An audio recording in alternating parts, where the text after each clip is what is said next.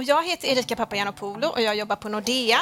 Och eh, till vardags så jobbar jag med marknadsföring eh, för att lyfta det här med sparande och investeringar som eh, jag och mina kollegor verkligen brinner för. Det är ju väldigt viktigt att ha koll på det. Och jag jobbar också väldigt mycket med en podd som heter Sparpepp. Vi har gjort drygt 100 avsnitt där vi bjuder in väldigt intressanta gäster som får berätta lite mer om det här ämnet och inspirera fler att komma igång. Och idag så ska vi ju eh, livepodda och det är faktiskt första gången vi gör det. Så det känns väldigt spännande och vi får göra det för er, en fantastisk publik. Även om det inte är så många så känns det jättekul. Så att varmt välkomna än en gång. Och eh, med mig så har jag min kollega Jon Kandell. Hej, välkomna hit får jag säga också. Jon Kandell heter jag, jag jobbar med Erika och eh, vi är superglada över att ni ville komma hit och vara med när vi spelar in det här poddavsnittet som, eh, är, som precis som Erika sa, första gången som vi gör det här live inför en publik. Så det är lite nervöst för oss också, men vi hoppas att ni ska ha överseende med det. Eh, när man spelar in podd så, där, så är det ju kanske när man lyssnar på en podd väldigt liksom, så här, det låter som att man sätter allting direkt och det är liksom perfekt från start.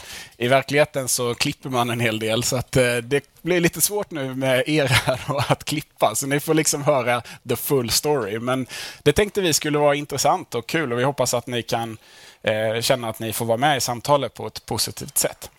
Och eh, som jag vet att ni sa, vi sa i introduktionen här också innan ni innan det var dags för maten så är det ju så att för oss är ju Nordea Open en arena som är självklart för tennis som vi ser här idag, men också för samtal. Och det är den här typen av samtal som idag kommer att handla om hållbart sparande som vi tycker är så viktigt och en av Nordeas hjärtefrågor. Eh, vi vill också bara här, säga det är fantastiskt att ni att vara här i Båstad vid, eh, vid eh, den här planen samtidigt som matchen pågår här nere. Så att eh, det känns jättehärligt.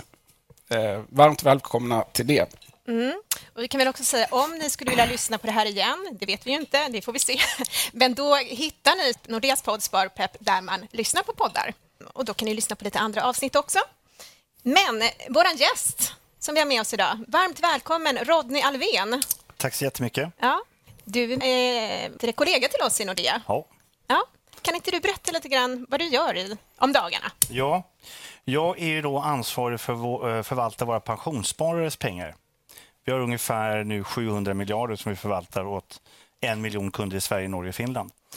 Eh, så att jag är helt enkelt ansvarig för det. Vi är ett team då i tre länder och inom ramen för det är jag också hållbarhetsansvarig.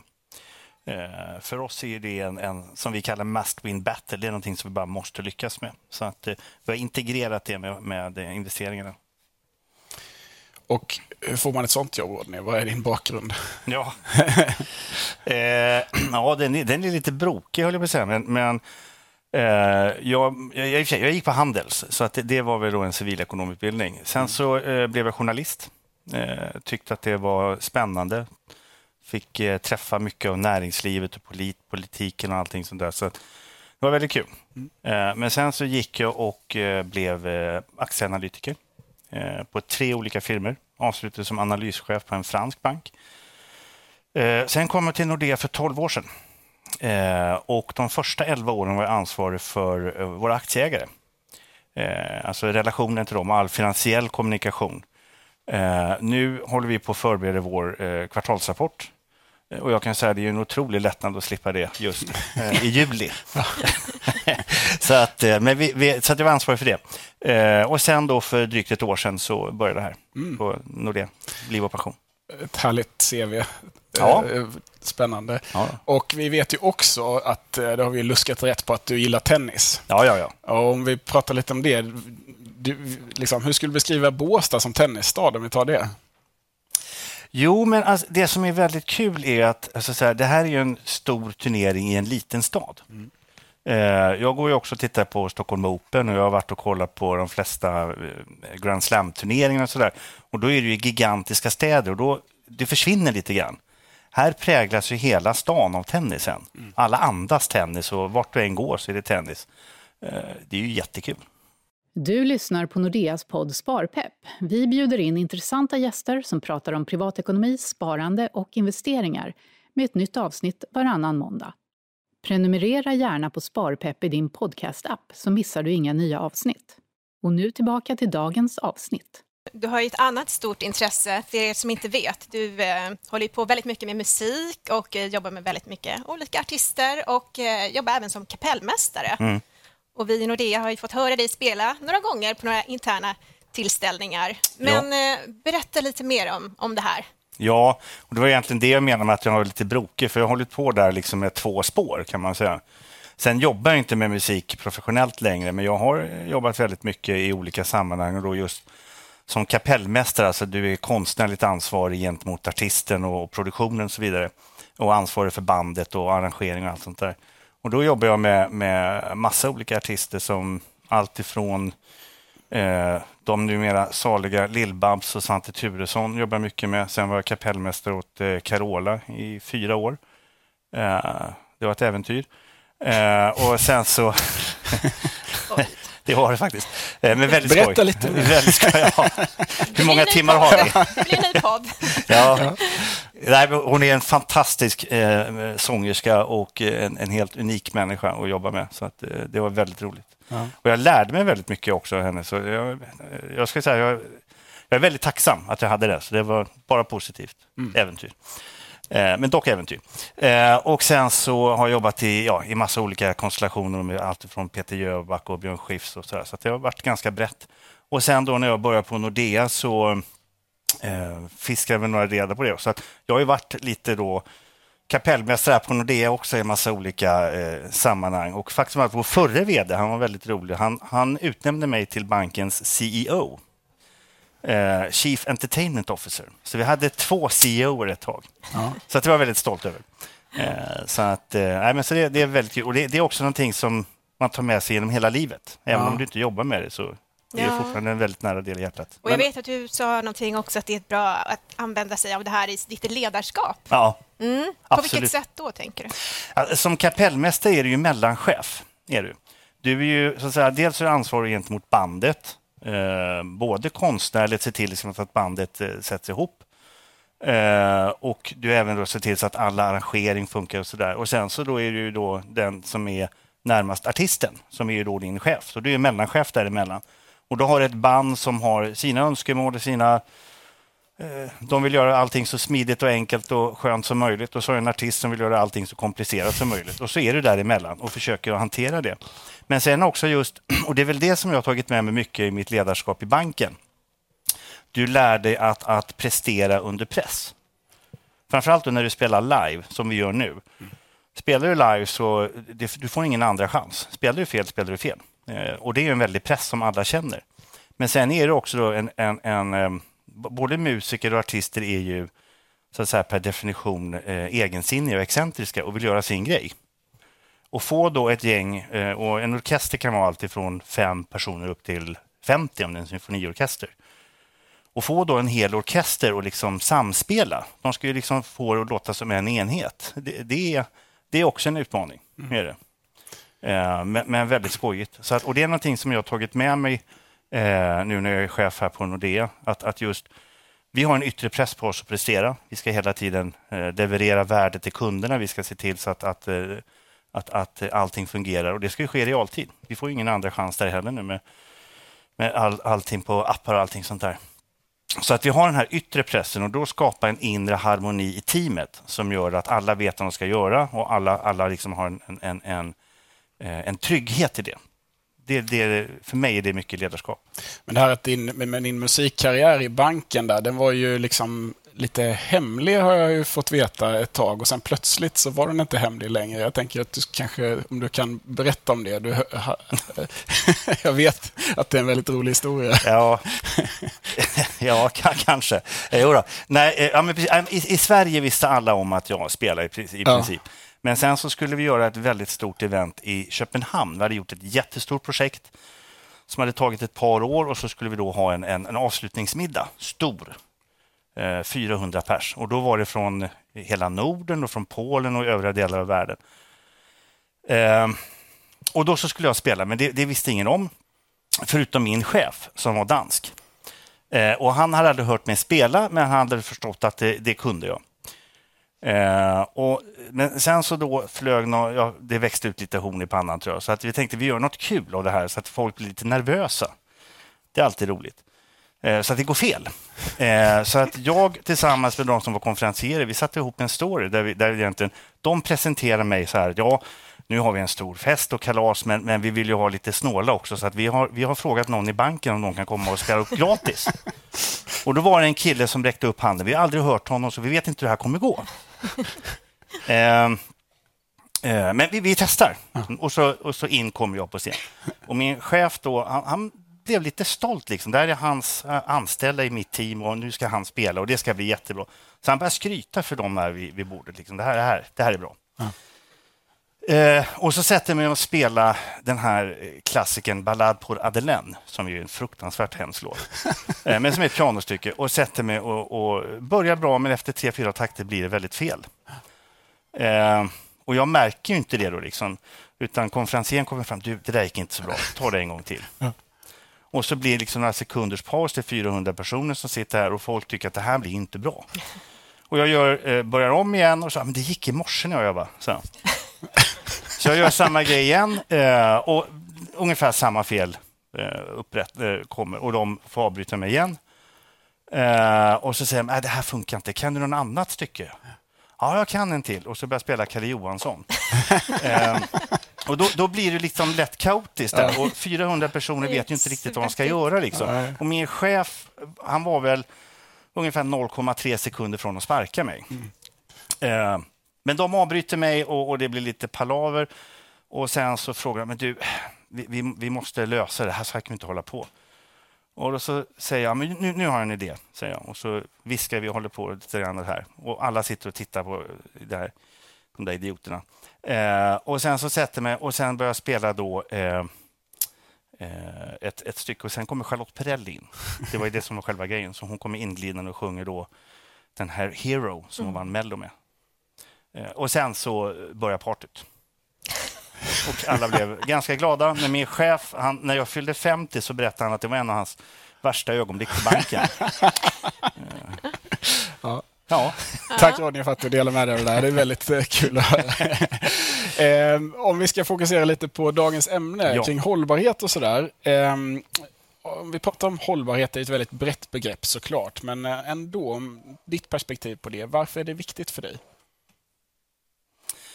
Ja, innan vi kommer dit, får jag, om jag bara kan börja med min eh, bakgrund. För jag, mm. jag egentligen för tre år sedan var det absolut inte självklart att jag skulle bli hållbarhetsansvarig. Eh, jag har haft en väldigt cynisk inställning till det här med hållbarhet. Eh, och det har att göra med att för ungefär 15 år sedan när jag var analytiker, då jobbade på den franska banken och fransmän är väldigt duktiga på hållbarhet. De är matematiska och de ligger långt fram och det gjorde de redan då.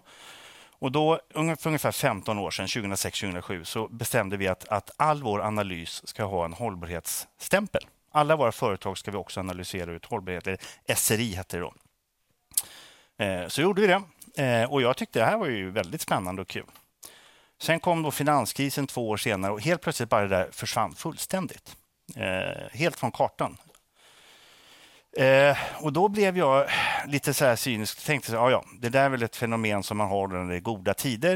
Eh, det är liksom så här nice to have, så att säga, som du kan ha, eh, men det är inte speciellt viktigt. Så jag blev lite så här, kan man säga, lite bränd och lite luttrad och cynisk av det där. Eh, sen något år senare började jag här på banken som då IR-chef och ansvarig för våra aktieägare. Och, och det, ingen pratade om det egentligen. Sen för jag vet inte, fem, sex år sedan ungefär så började folk prata om det. Men det var en ganska förvirrad diskussion. Alla tänkte att det här med hållbarhet, det, det, är ju bra. Det är viktigt. Men ingen visste riktigt vad det var, så att diskussionen blev ganska flummig. Så jag tänkte igen, ja, ja, vi, vi håller väl på här tills nästa kris kommer, då, ungefär. Men sen märkte jag för två, tre år sedan ungefär. Nej, men nu, det här är på allvar den här gången. Och, och, Helt plötsligt kommer det fram mer och mer sofistikerade modeller för hur du mäter hållbarhet. Och Det gick från att vara liksom lite mer politiskt flum, att vi ska rädda planeten, till att det faktiskt blev väldigt, eh, väldigt eh, tangible, alltså väldigt tydligt och klart. Och eftersom jag är eh, analytiker lite i själ och hjärta och, och vill luta mig mot det, fakta så blev jag lite intresserad. Och sen då när jag började för ett år sedan så, så blev jag än mer imponerad faktiskt över hur långt både vi har kommit men också marknaden har kommit.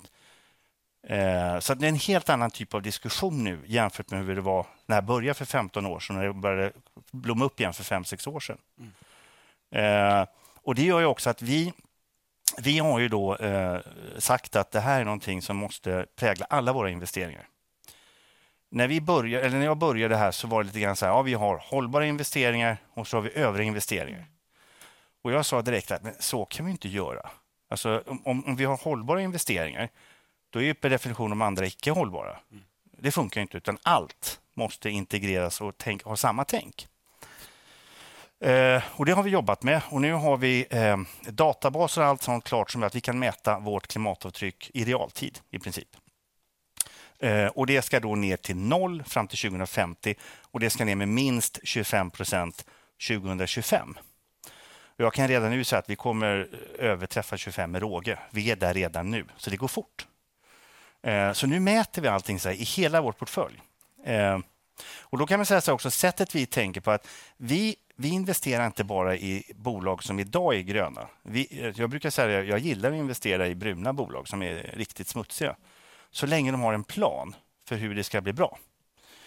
Och Det följer vi upp och vi mäter och kollar liksom och, och har, har, kontakter och, och, och dialoger som säkerställer liksom att, att även bolag som idag har ganska mycket utsläpp eh, faktiskt har en plan.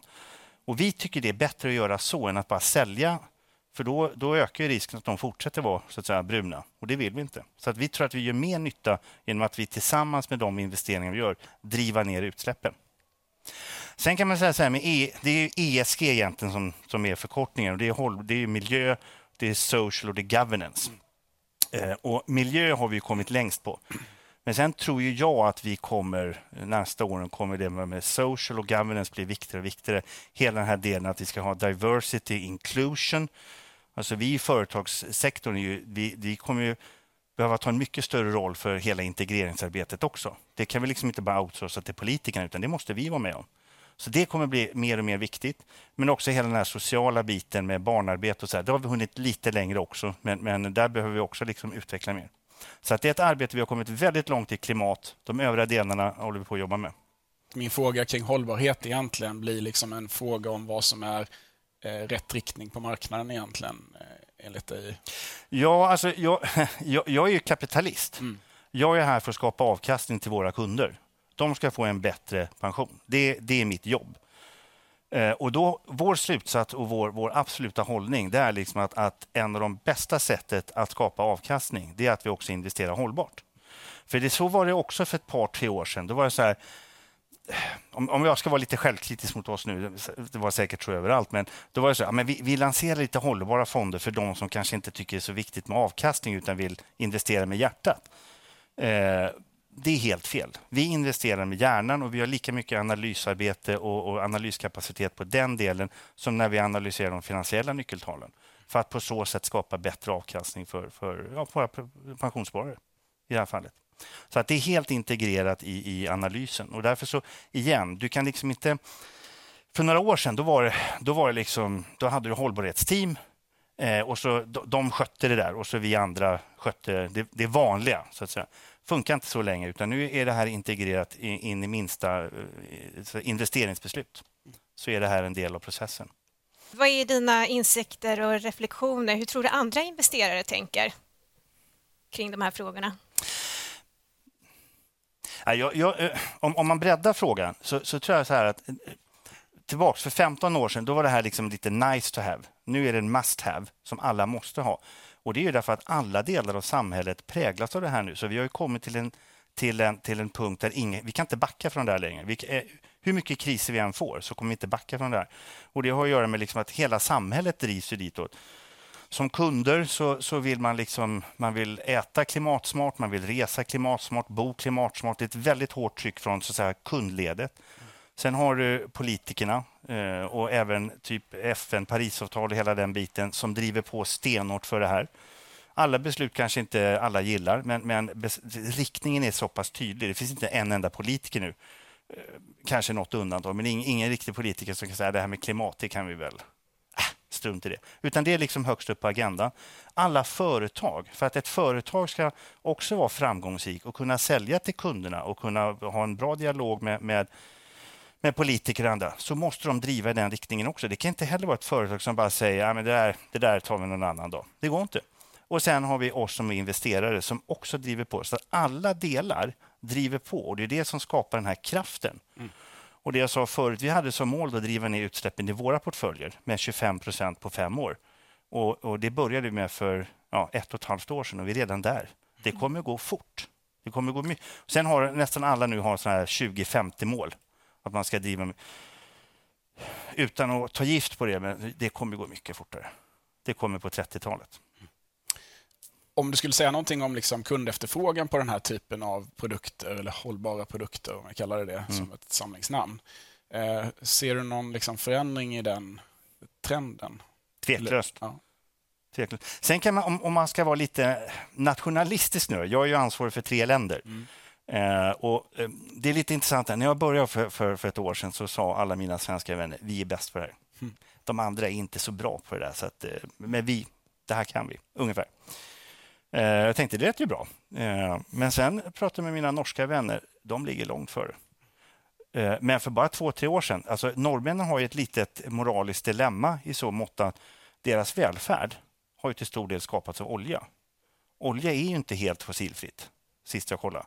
Så att de har ju tjänat gigantiska pengar på att skita ner naturen. Mm. Och det är klart att du får ett moraliskt dilemma då om du investerar det. Okay.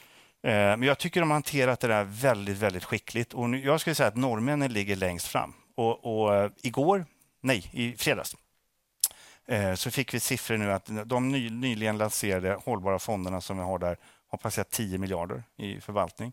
Och nästa år så kommer norrmännen ta bort. De kommer inte längre ha hållbara då, icke hållbara, utan allting blir hållbart.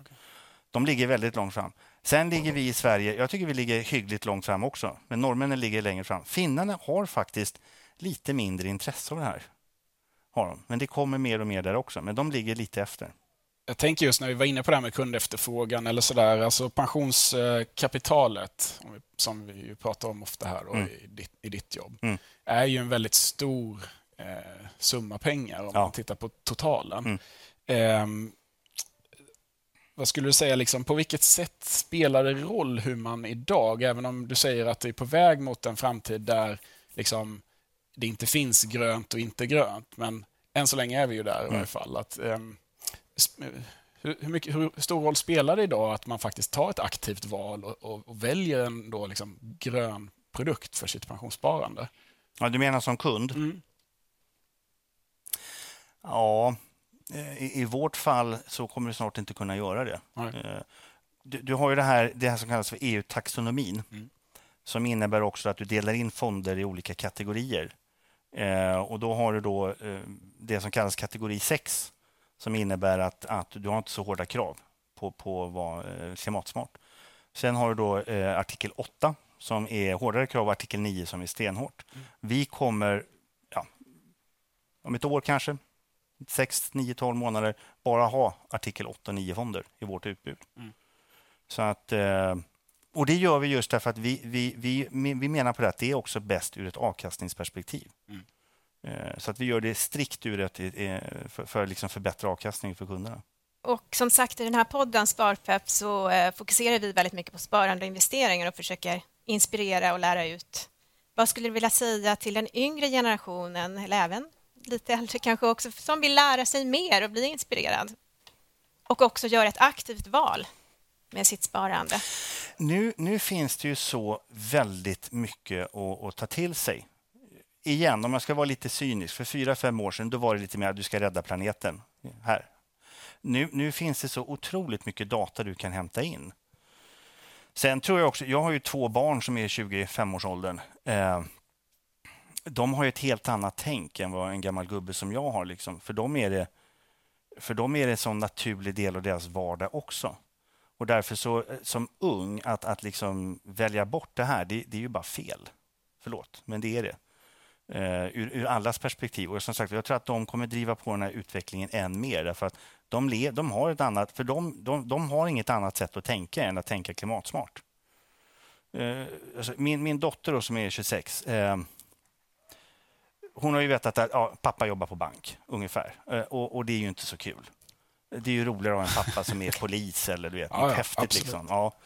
Så att hon har aldrig varit speciellt så här, intresserad av mitt jobb. Men när jag berättade för drygt ett år sedan att ah, jag ska bli hållbarhetschef. För första gången så gjorde hon liksom tummen upp. Bra farsan. Mm. Vet, hon har ju sett mig som en sån här gammal gubbe som liksom... Det här kan inte du. Du kan ju inte ens sopsortera ungefär. eh, men nu var det liksom okej. Okay. Så att i den generationen, de har det tänket på ett annat sätt och det är ju, det är bara att gratulera dem. Mm. Så att det finns, tillbaks till din fråga, fin, nu finns det så mycket information på våra hemsidor eh, när det gäller fondutbud, när det gäller pensionsprodukter och allting sådär. Så all information finns så lätt tillgänglig nu. Så du, och den, den, är dessutom den är, den är så pass tydlig och rak och, och klar så att den, den går inte att missförstå. Mm. Det finns inget flum kvar. Precis. Och information, det är därför vi står här idag. Och livepodden till exempel, vi vill ju föra de här samtalen och eh, nå ut till er och att fler ska få ta del av det här. Mm. Vad hoppas du att vi kan liksom som Stora Nordea kan bidra med här i Båstad? Ja, men inte minst de här samtalen är ju väldigt, väldigt viktiga. Och jag tror ibland, jag vet inte, men, men jag tror att vi som bank kan vara lite sådär, eh, inte introverta, det är fel uttryck, men att, att vi, vi tror att ja, det, här, det här vet ju alla att man ska ha en artikel 8-fond. Men det är ju faktiskt bara nördar som vet. Så att det, det är otroligt viktigt att vi får ut det här budskapet och att det, det är så här man kan tänka. Eh, för nu, och, och, det gäller inte bara oss, det gäller alla. Eh, men så, sådana här samtal är ju värt otroligt mycket. Jag tänkte liksom om vi tittar lite framåt. Om du skulle beskriva dina mål och vad du skulle vilja åstadkomma eh, i ditt jobb då framför allt eh, framåt. Mm. Eh, hur ser du på det? Ja, till, tillbaks till det här med, med, eh, Nu har jag bara varit ett år på det här jobbet, men vi har ändå hunnit ganska långt. så att nu har vi hela det, det har varit ett jättejobb för att få hela organisationen på plats och få ut det här i organisationen. Mm. Men nu har vi alla de där processerna på plats, vilket är jättebra. Så att nu, nu präglar alla våra investeringar präglas av det här sättet att tänka och det är en del av investeringsprocessen. Eh, där har vi hunnit jättelångt. Eh, och det vill vi självklart se liksom att det fortsätter, att det flödar. Mm. Sen tillbaks till att jag, jag, är ju ändå en, en sifferkille. Jag, jag, vill ju se att, att klimat, det ska ner till noll. Sen inser jag liksom 2050, i bästa fall är vi liv. Men jag är absolut pensionär sedan jättelänge. Så jag vill att det ska gå mycket fortare. Jag vill vara med om det här. Ja. Jag vill se det här ske. Uh, och jag, jag, är i grund, för jag har sett så mycket positivt nu. Jag har sett kraften i det här. Mm. Uh, det är inte bara vi, det är alla. Mm. Eh, och då blir det en otrolig kraft för det här. Så att det här kommer gå fort. Och jag tycker det är så himla härligt att höra att du är optimistisk på det sättet. För om man tittar liksom på nyheterna och man följer med så eh, känns det som en ganska mörk framtid ibland. Det är lätt att se det så i fall. Men liksom om du skulle... Jag tänker framför allt på liksom Parisavtalet mm. och klimatmålen där. Hur skulle du säga att vi liksom möter vi dem? Eller liksom hur ligger vi till där? Ja, vi möter dem absolut. Och det är också så att vi, vi lanserade här för ett par månader sedan ett mål att vi har också en del externa förvaltare utanför mm. Nordea som hjälper oss att förvalta pengar. Och där har vi nu ett, ett eh, krav att om, om, om, man ska förvalta pengar åt oss så måste det senast 2024 ha anslutit till Parisavtalet. Mm. Eh, det, vi, det, visste inte jag då, men det visade sig att vi var en av de första pensionsbolagen som, som har släppt det här. Men det kommer mer och mer. Vi jobbar inom ramen för FN eh, med, med en, en, allians som heter Asset Owner Alliance. Tillbaks till att det är mycket pengar. När jag säger att vi har 700 miljarder, det låter ju jättemycket. Men, men i de här sammanhangen är det medelstort. Mm. Så att när vi är då 34 är vi nu, pensionsförvaltare worldwide som jobbar inom ramen för den här alliansen. Eh, vi har sammanlagt 50 000 miljarder kronor och alla jobbar utifrån det här. Och det är fler och fler som ansluter sig till den här alliansen. Den är öppen för alla. Eh, så att igen, det, det, sker väldigt fort. Sen är du optimist eller pessimist? Alltså grejen är så här, jag är väldigt optimistisk om vad vi kan påverka. Det är jag. Sen inser jag att det här är en väldigt, väldigt komplex fråga och vi har kanske börjat 5, 10, 15 år för sent. Vad vet jag? Det, men det kan inte påverka. Mm. Men att vi kan påverka väldigt mycket redan nu och även framöver, det är jag övertygad om. Tack Rodney för mm. att eh, vi fick prata med dig och höra om dina tankar kring eh, hållbarhetsfrågan och hur vi tillsammans förhoppningsvis kan göra skillnad. Mm. Och tack till er som var med här idag. Och Tack så hemskt mycket. Innan vi eh, avslutar så vill jag bara tipsa om att vi har faktiskt ett nytt avsnitt av Sparpepp som kommer att komma ut redan den här veckan också där vi har en annan intervju med Niklas Adelbert som vi släpper i kanalen Sparpepp som ni gärna får eh, lyssna på. Precis, och eh, om ni inte känner till Niklas så är, är han grundare till Norrsken Foundation och pratar också på det här temat. Så att, eh, det kan ni lyssna in på. Ja, Bra. Stort tack till er alla. Tack så hemskt mycket. Tack. Tack, tack.